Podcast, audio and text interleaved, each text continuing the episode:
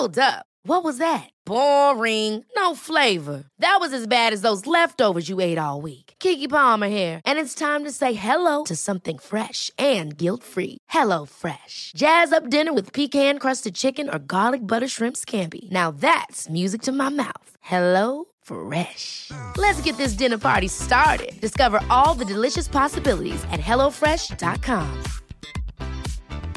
Hey, it's Ryan Reynolds, and I'm here with Keith, co star of my upcoming film, If, only in theaters, May 17th. Do you want to tell people the big news?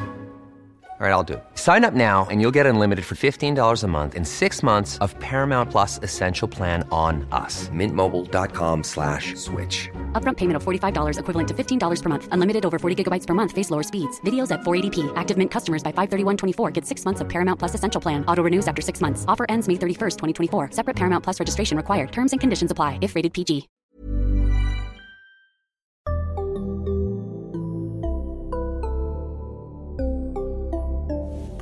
Barnpsykologerna.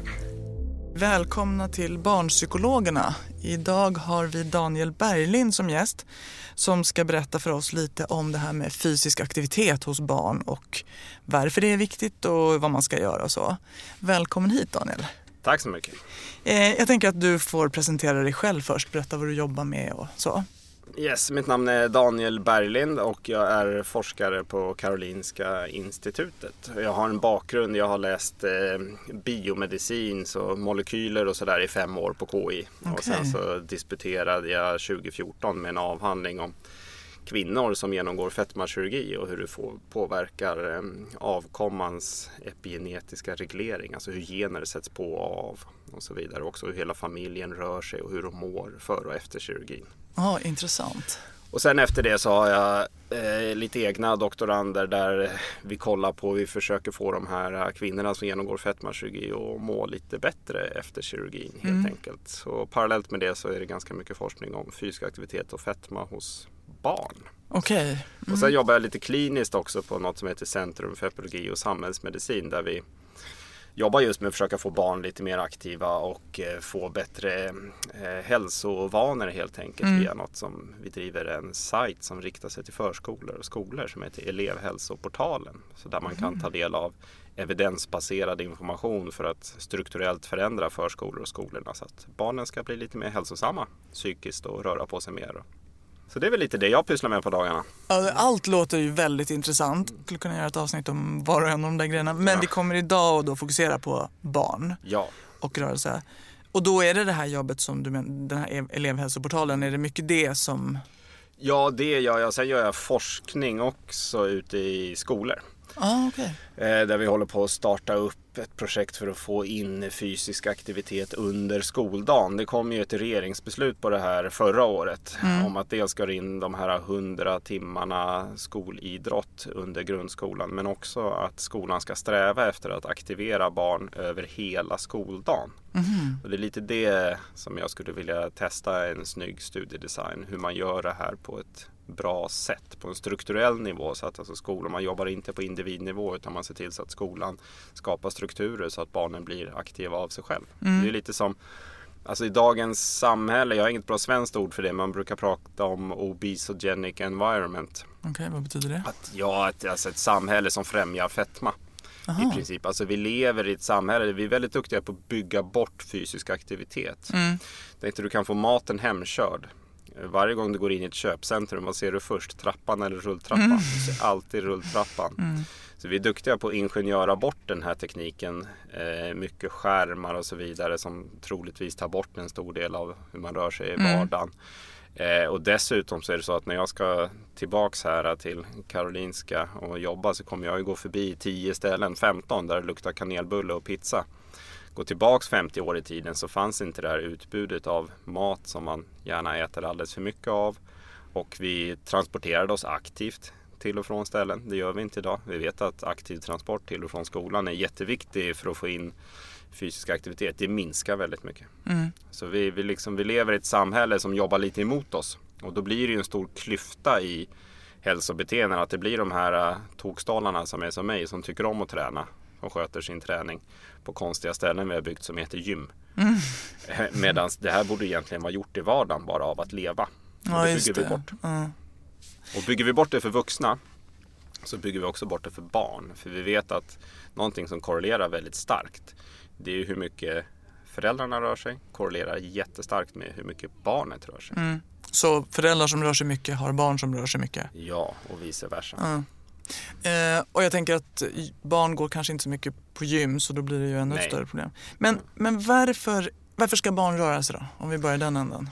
Alltså det, fysisk aktivitet är ju väldigt viktigt för att ha eh, en bra hälsa genom livet. Inte bara om man pratar om att jag vill leva länge och så vidare utan också för att ha, det är starkt kopplat till livskvalitet och att man har en funktionsduglig kropp mm. så att mm. man är stark.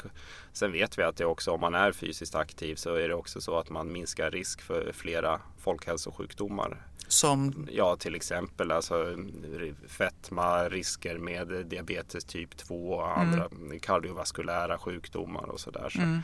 Och det är också någonting varför man ska röra på sig som barn kan ju vara någonting man kan tänka sig. Det är, effekterna är ju svårare att se hos barn jämfört med om man ser hos vuxna. Eh, om vi tar på fysisk aktivitet på kondition eller vad som helst. Men mm. däremot så beteende man bygger när man är väldigt ung är det ju också stor sannolikhet att man har kvar när man är äldre. Ah, okay. Så det är också viktigt ah. att liksom promota det här med att vara aktiv. Och lägga en bra grund för, ja, för det som... Ah. Men också man... viktigt för alltså, benstyrka mm. och så vidare. Det är någonting som är, som är viktigt när man är Eh, som man kan påverka genom att vara fysiskt aktiv som barn. Som barn. Mm. Finns det effekter på till exempel barns sömn eller inlärningsförmåga eller sociala förmåga eller sånt? Har man sett sådana saker? Ja, i varje fall akut. Alltså det kan ja. man se om man har akuta studier att man får barn att röra på sig mer så blir de kognitivt skarpare. Mm. Eh, till exempel. Så att de får lättare att prestera i skolan om de rör på sig? Ja, precis. Akut. Sen är det lite svårare. Alltså, ska man vara riktigt eh, tuff som forskare och sådär så vill man gärna, om man vill ha kausalsamband mm. så vill man gärna ha visat det i någon sån här randomiserad kontrollerad studie mm. där man liksom får barnen att röra sig mer i skolan. Att man har det som exponering och sen utfallet är att man då ska prestera bättre i skolan på mm. betyg eller något sånt där. Där är ju datan lite skakigare. De studier som finns visar inte riktigt den effekten. Men mm.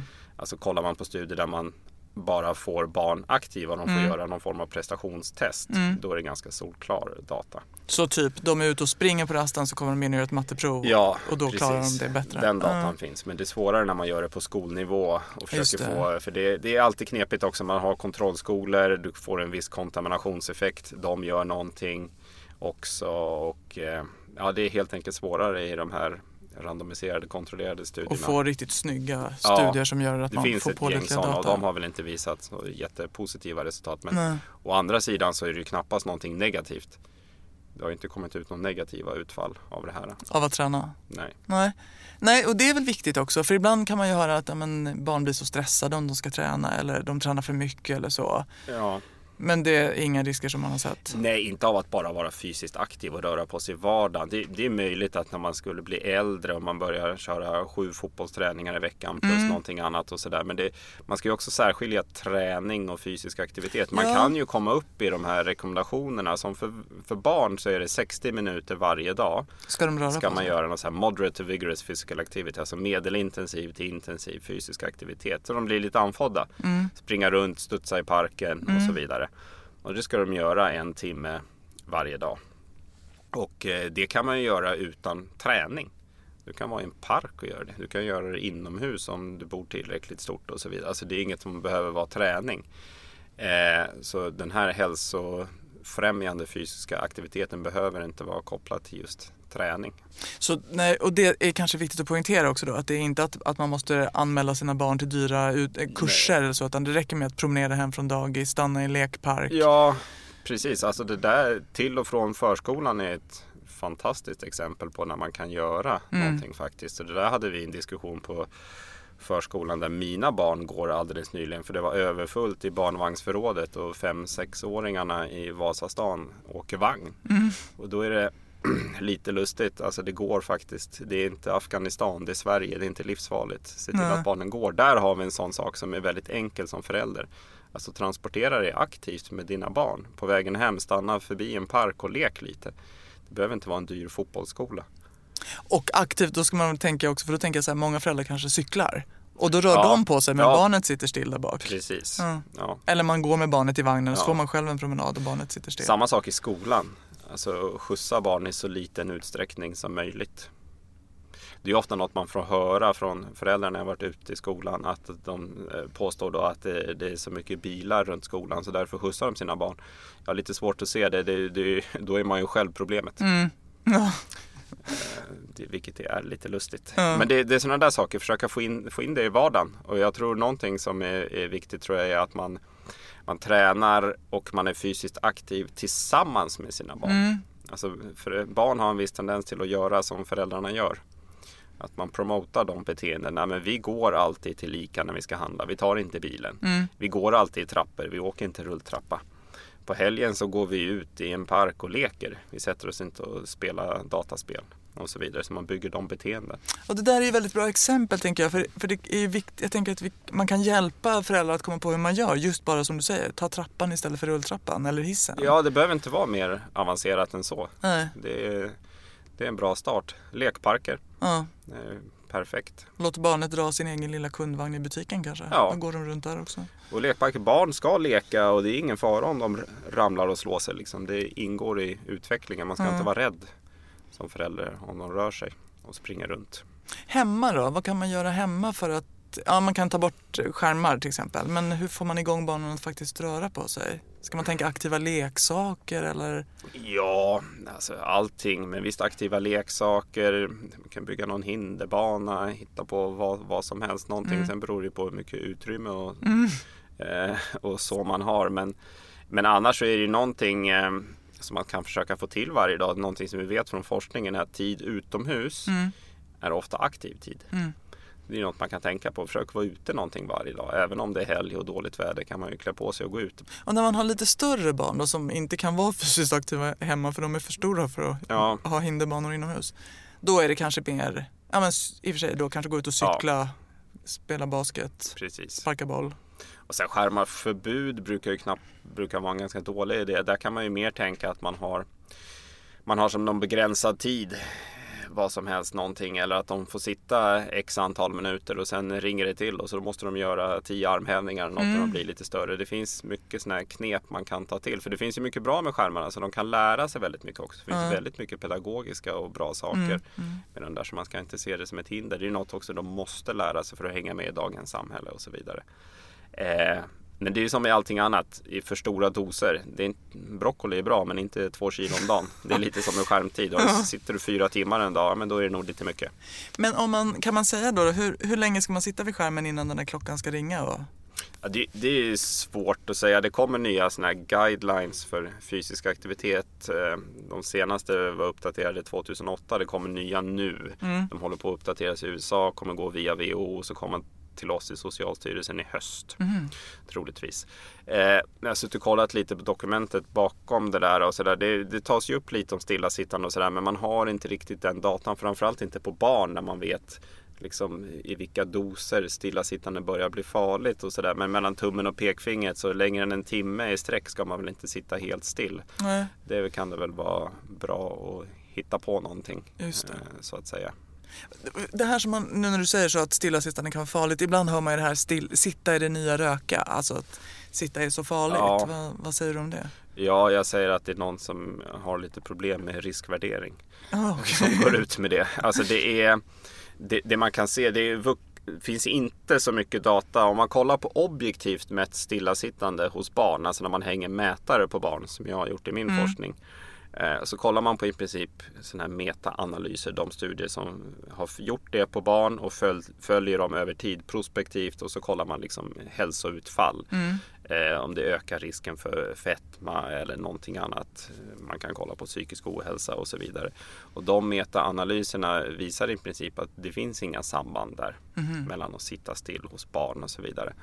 Hos vuxna så är det nog där är det lite eh, otydligare data men mycket tyder på att om man får in tillräckligt mycket fysisk aktivitet Alltså man är tillräckligt aktiv. För vuxna ska vi göra 30 minuter per dag och eh, det kom en publikation ganska nyligen där man kollade, hade mycket data på det här och kunde se att de som var aktiva det dubbla en timme om dagen och var väldigt aktiva. De hade liksom ingen ökad risk av att sitta still. Det spelade ingen roll om de satt still fyra timmar eller åtta timmar per dag. Ah, okej. De var liksom tillräckligt aktiva. Ja. Problemet är att det är väldigt få som är tillräckligt aktiva. Mm. Det är ju den stora eh, grejen där. Alltså, alltså är man tillräckligt aktiv, säg att man är Charlotte Kalla, Mm. väldigt aktiv. Då spelar det inte så stor roll om hon sitter eller står mellan sina träningspass. Nej. Det kommer ju göra nada i Mm. princip. Men om man har ett kontorsjobb, inte är så aktiv, ja, då ska man nog passa sig för att sitta allt för mycket. Så Mm. man får ha lite mer nyanserad bild i det där. Men att det skulle vara lika farligt som att röka, det är ju, det är ju bara felräknat. Mm. Okej. Så den kan, vi, den kan vi stänga. Den kan vi stänga. Ja. Ja. Barn spenderar ju mycket tid, både, alltså ända från egentligen förskolan då tills Mm. de går ut gymnasiet så spenderar de ju mycket tid i skolans värld. Life is full of awesome what ifs, and some not so much, like unexpected medical costs. That's why United Healthcare provides Health Protector Guard fixed indemnity insurance plans to supplement your primary plan and help manage out of pocket costs. Learn more at uh1.com. Ever catch yourself eating the same flavorless dinner three days in a row? Dreaming of something better? Well, HelloFresh is your guilt-free dream come true, baby. It's me, Kiki Palmer. Let's wake up those taste buds with hot, juicy pecan-crusted chicken or garlic butter shrimp scampi. Mm. Hello Fresh. Stop dreaming of all the delicious possibilities and dig in at HelloFresh.com. Let's get this dinner party started. A lot can happen in three years, like a chatbot may be your new best friend. But what won't change? Needing health insurance. United Healthcare Tri Term Medical Plans, underwritten by Golden Rule Insurance Company, offer flexible, budget friendly coverage that lasts nearly three years in some states. Learn more at uh1.com. Vilket ju betyder att skolan skulle behöva vara aktiv och du, du har ju varit inne lite på det. Mm. Ehm, du var ju inblandad i det här tv-programmet Idrottsläraren. Mm. Ehm, berätta lite om det själv, du som var där. Eh, ja, det var ju kul. Det var, det var ju så att jag, det är ju Kalle Zackari Wahlström som eh, var huvudfiguren i det där och jag hjälpte till lite med att eh, ha lite idéer om vad vi skulle göra och så vidare för att försöka få eh, barnen mer aktiva. Mm. Eh, och där, det var ju då på, på högstadiet så då var de ju eh, lite äldre de, de eleverna och där men där gjorde vi, det var ju väldigt få elever som, vi hängde faktiskt sådana här äh, mätare på dem så vi kunde se hur mycket de rör sig. Eh, och Alltså det vi kunde se var att de rör sig väldigt lite och det har ju andra forskare också visat. Med en kollega Gisela Nyberg som har hängt massa mätare på sådana här eh, barn bland annat i årskurs två på gymnasiet och jag tror att det är årskurs åtta och fem, något sånt. Det, det vi kan se och annan internationell data också är att liksom, i princip ju äldre barnen blir där ju mindre rör de sig. Eh, Så så ser det ut. Barn är ofta som mest aktiva när de är 4-5 år och sen börjar det gå ut för. Och framförallt eh, flickor rör sig betydligt mycket mindre än vad pojkar gör. Ah, hur förklarar man det? Eh, Det finns väl ingen jättebra förklaring till det. Eh, faktiskt. Det där har man sett ändra ner när man hänger mätare på barn ända ner till ett års ålder. Att flickor är mindre i rörelse än pojkar? ganska mycket mindre också. Det är frågan om, alltså jag har ju två små tjejer. Jag hade säkert gjort någonting annorlunda omedvetet om jag hade haft två pojkar. Ja. Jag är ganska övertygad om att det är en föräldrafaktor där. Mm. Eh, eller en samhällsfaktor. Eh, det, det skulle jag tro i alla fall. Men det är ju svårt att veta. Men Mm. i skolan i alla fall så vet vi att aktiviteten minskar. Så de, de var ju väldigt inaktiva då, när de eh, gick på högstadiet och så vidare. Men det är vissa grejer som gjordes där. Man, man förändrar liksom skolmiljön. Man, alltså strukturella förändringar. Man tog in roddmaskiner, man ser till så att det blir, får ut barnen på rasterna. Eh, de fick inte sitta inne med sina iPads och så vidare. Ja, då ser vi ju på mätarna ganska direkt, boom, mer aktivitet. Så sådana här strukturella förändringar är väldigt viktigt. Det är ju det, är ju det vi tillhandahåller via den här elevhälsoportalen. Att man, skolor ska jobba strukturellt för att liksom bygga policies, bygga in sånt här så att det bara blir gjort. Eh, Det ska inte ligga på att det är någon eldsjäl som drar igång allting och det, det ska också kopplas bort från idrottsämnet. Alltså det här ska vara något som alla gör. Det behöver inte betygsättas. Det bara ska vara rörelse. Liksom. Jag skulle gärna se att man fick in mer rörelse på schemat som inte är något betygsatt. Hur, hur då? Ja, till exempel eh, morgongymnastik. Mhm. Kanske lite eh, aktivitet under lektionstid, några minuter varje lektionstid. Aktiva raster. Mm. Kan erbjuda att man har eh, fritidsaktiviteter efter skolan. Och så vidare. Allting sådana här som är strukturella saker. Så aktiv transport till och från skolan, policies kring det. Så att man verkligen jobbar med det. Alltså bilförbud runt skolor. Eh, och så vidare. Allting för att liksom bygga in det i vardagen så att det bara blir gjort. Det är sånt som funkar långsiktigt. Vad, eh, kan- man bygga in det i själva undervisningen också? Jag, jag tänker att var det inte något inslag om det att man typ Ja, man kan ha en mattelektion där man, barnen får Ja. gå runt istället för att sitta bara med papper och penna. Det och- finns lite forskningsresultat på det här. Man har gjort ganska just aktiva mattelektioner har man gjort en del i Danmark. Väldigt snyggt och de visar fina resultat på just det här som du säger. Man, på lite lägre åldrar då när de lär sig räkna så är det lite siffror utspridda i klassrummet och de hoppar runt och studsar och så vidare. Och i, inte bara det att de blir mer aktiva utan det verkar som att inlärningen kanske går lite bättre också. Men an, andra när de blir lite äldre så det finns ju enkla saker som att man bara har fem minuter varje timme där man gör lite upphopp och, så- och så vidare. Att man får in aktiviteten eh, på så sätt. Hur ställer sig skolorna till det här då? Alltså, är, vad har ni för intresse på den här portalen till exempel? Och hur Alltså generellt är ju intresset för fysisk aktivitet i skolan väldigt stort. Mm. Och det finns jättemånga skolor ute i Sverige som gör väldigt mycket bra saker och hittar på egna initiativ och verkligen drivs av eldsjälar och sådär. Det som kanske är lite varningens finger om man ska vara hård forskare och sådär, det är att det pågår massa saker och det utvärderas med mindre bra vetenskapliga metoder om man säger så. Det är, ju, det är ju ett problem om man verkligen vill veta det här orsak och effekt. Alltså man kanske man har en hypotes om att om vi får in aktivitet under skoldagen så kommer elevernas betyg att bli bättre. Det är ju en hypotes man kan ha.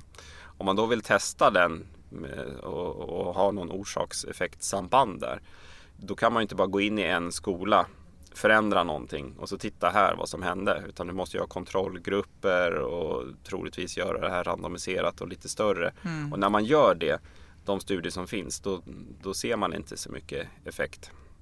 Det är svårt att få till det där i skolvärlden. Så, eh, men däremot så det pågår massa bra grejer ute i skolan och sådär. Men det, det man skulle vilja är väl att göra någonting, något storsatsat här och verkligen försöka få till något evidensbaserat. Och sen så kunna liksom via Skolverket gå ut med att det här verkar funka. Det här har vi liksom visat i, med den här studiedesignen och det här är någonting skolor skulle kunna eh, använda. Pågår Istället. som forskning? Ja, vi försöker få till det, vi själva. Eh, och det, men eh, det kommer ju ta ett tag. Det tar ju eh, lång tid och det kommer kosta väldigt mycket pengar. Nu har vi lite pengar för att starta och prova det här eh, helt enkelt. Men eh, det kommer ju ta några år innan man har definitivt svar på den frågan. Jag tänker då som psykolog att jag kan ju också se till exempel hur viktigt fysisk aktivitet är för det psykiska måendet. Både barn och vuxna med ångeststörningar eller nedstämdhet får ju ganska kraftfulla effekter av fysisk träning. Kanske inte bara fysisk rörelse sådär utan det kanske behövs lite mer pulshöjande och någon halvtimme och så. Men det, det har ju väldigt bra effekter på psykisk hälsa. Det har man ju sett i studier också. Det borde ju också påverka, tänker jag, i skolsituationer. Alltså att man kanske får mindre konflikter bland elever. Det kanske kan, kan påverka mobbningssituationer. Ja. Alltså om, om elevernas välmående ökar så får det sekundära effekter i så skolan. det blir lite så spillöver-effekter. Ja. Så att säga. Och det är väl det, en kritik som man kan få lite eh, om man vill ha in fysisk aktivitet under lektionstid och sådär. Att barnen ska hoppa och studsa och sådär. Det är ju liksom då att det blir, det blir taskigt classroom behavior. Att det blir stökigt helt enkelt. Och det får, men det har man ju testat i studier och eh, man har mätt det och det blir ju tvärtom. Det blir alltså bättre ordning. Det blir lugnare eh, och eh, eleverna upplever mindre stress. Även om fysisk aktivitet är en stress för kroppen. Så tar det liksom udden av det här värsta. Och så det är precis tvärtom. eh, Då som, som du säger, man får positiva effekter på det. Så det, det tror jag ab- absolut. Ja, men det, det är också en tanke att man kan ju börja det här tidigt. Alltså man skulle kunna börja, ju tidigare man börjar sätta sådana här beteenden, ju enklare är det att det följer med upp. Så om man börjar redan i lågstadiet och så vidare så är det troligtvis större chans eh, att det sitter kvar. När man går in i gymnasiet kan det vara lite knepig, en knepig ålder att gå in och försöka förändra Mm. saker och ting. Även om effekterna säkert är större där, för det är där de rör sig som minst. Mm. man, till och med att man skulle kunna tänka sig att få in det på förskolan och så vidare. Alltså det, är, det är ingen dum tanke. Vi, jag har ju själv gjort mätningar på förskolebarn på tusen ish fyraåringar i Sverige. Det är ganska många. Ja, som vi hängde mätare på. Ja. Då kan vi se att de är ju en publikation som vi skrev här ganska nyligen var ju att all eh, tid med förälder är inaktiv tid. Det är i princip det vi kan se när vi sitter och klipper och klistrar i data där att tid på förskolan så är de betydligt mer aktiva än när de spenderar tid med sina föräldrar. Eh, Även utanför förskolan och på helgen är Mm. man ju betydligt mindre aktiv. Det är ju vuxna också och det smittar ju av sig då på eh, på barnen. Så det egentligen där man ska börja, man, alltså, det var väl Michael Jackson som sa det, man in the mirror. Alltså börja med sig själv är ju en bra start. Eh, Där kan man göra väldigt mycket. Problemet om man som forskare vill göra någon jättestor intervention och nå barn i hela Sverige. Det blir väldigt dyrt att göra det när man ska involvera alla familjer. Det är ju därför det är så enkelt eh, öppet mål liksom, att gå in i skolan och förskolan och göra det strukturellt eller på samhällsnivå. Eh, då. Men eh, förskolan kan man ju också tänka sig att man jobbar mycket med att eh, barnen får vara ute eller att man får in någon strukturerad aktivitet inomhus också som kan förbereda för att kunna göra det i skolan också. Men det, förstår jag det rätt då att det, från förskolan till gymnasiet kan man säga att den fysiska aktivitet, mängden fysisk aktivitet sjunker. Ja, om inte barnen då själva är, håller på med någon idrott väldigt aktivt. Och så. där Men- får vi ju den so- socioekonomiska klyftan. Ja, Kom in just där. det. Den är Att, viktig. ja, precis. Alltså de barnen som har socioekonomiskt starka föräldrar tenderar ju till att hålla på med 71 sporter eh, och allt möjligt. Eh, och det är, det är ganska dyrt att spela hockey, tennis och rida samtidigt. Mm. Eh, så då får vi ju den pro- problematiken. Så där skulle ju verkligen samhället vinna mycket på om man kunde få in det här strukturellt genom att bygga om samhället eh, och skolor och förskolor och så vidare så att alla får ta del av det istället för att ju skjuta mer pengar till idrott som ändå har en viss eh, socioekonomisk klyfta. Hur, ja, även om jag vet att Riksidrottsförbundet och så eh, jobbar starkt för att försöka minska det här och försöka få med, de gör ett jättebra jobb så, så är det ju fortfarande en liten puckel för många. Men om man då tänker, jag, jag tänker ju att det låter ju bra och det, låter, det är ju superviktigt och så men man kan ju ändå tänka sig att många föräldrar själva känner att de orkar inte. De kommer hem efter en dag på ar- arbetet, är trötta, de ska fixa middag, få ungarna i säng. Då blir det ganska bekvämt att sitta och kolla på TV och så. Att det blir enkelt att välja det här passiva. Och om man då dessutom får motstånd av sina barn, vilket jag tänker att man kanske får när de börjar närma sig högstadiet och gymnasiet. Har du något tips där? Hur ska man motivera sina ungar när man inte själv bara kan, kan dra med dem i nu ska vi ut och promenera? Ja, där handlar det, det precis, jag tror när man är på kvällen och det är sent och man har ätit, då tror jag nästan man är körd liksom. Där handlar det mer om att man försöker få till det, men till och från skolan när, de är, när man står för den delen till exempel. Och sen är det ju om man har de ekonomiska förutsättningarna, så när man blir lite äldre så är det ju ett fiffigt sätt att försöka få dem engagerade i något föreningsliv. Eh, och så, så att de rör sig i den biten. För det är ju det är ju en liten puckel också om man kommer hem från jobbet och är jättetrött och sådär. Sen är det första man ska göra eh, gå ut och träna med sina barn. Eh, det kanske man lyckas göra själv på lunchen eller vad, vad som helst. Men det är ju knepigare när man ska göra det med barnen på kvällstid och så vidare. Så det finns ju inga enkla lösningar där. Så, och det, det är väl ett problem i, i dagens samhälle att eh, mycket, mycket av de aktiviteter som ungdomar och så gillar nu för tiden är ju väldigt inaktiva aktiviteter. Vilket troligtvis har förändrats ganska mycket de senaste bara 20 åren. Eller någonting. Den här frågan om specialisering inom idrott och så vidare. Det är, det är inte mitt specialämne men det, det, man, det, det man ser lite där är väl att många som håller på med idrott idag, många barn och så, saknar ju det här grundmotoriska. De, de kan vara väldigt duktiga på kanske någon viss idrott för de har börjat med det ganska tidigt.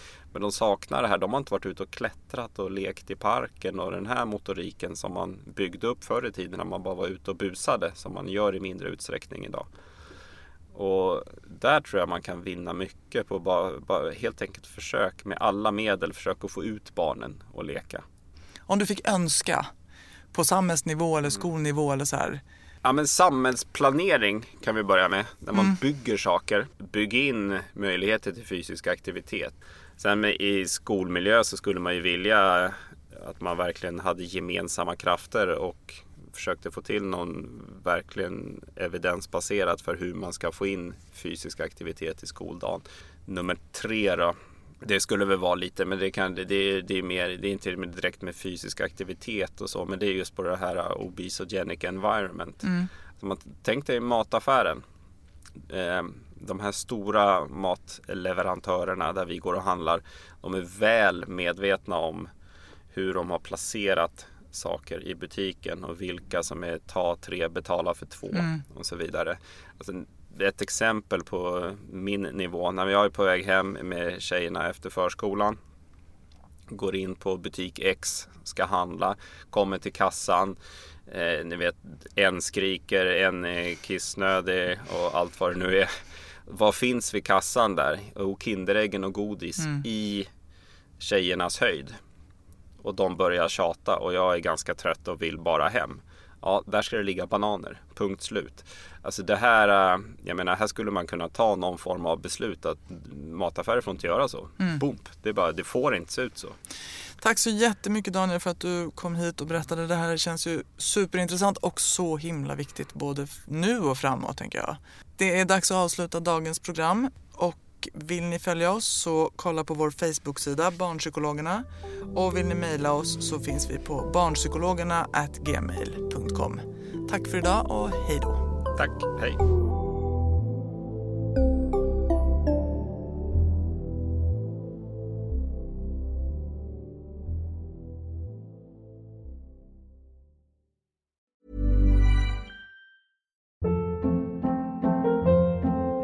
Hold up. What was that? Boring. No flavor. That was as bad as those leftovers you ate all week. Kiki Palmer here, and it's time to say hello to something fresh and guilt-free. Hello Fresh. Jazz up dinner with pecan-crusted chicken or garlic butter shrimp scampi. Now that's music to my mouth. Hello Fresh. Let's get this dinner party started. Discover all the delicious possibilities at hellofresh.com. Hey, it's Paige DeSorbo from Giggly Squad. High quality fashion without the price tag. Say hello to Quince.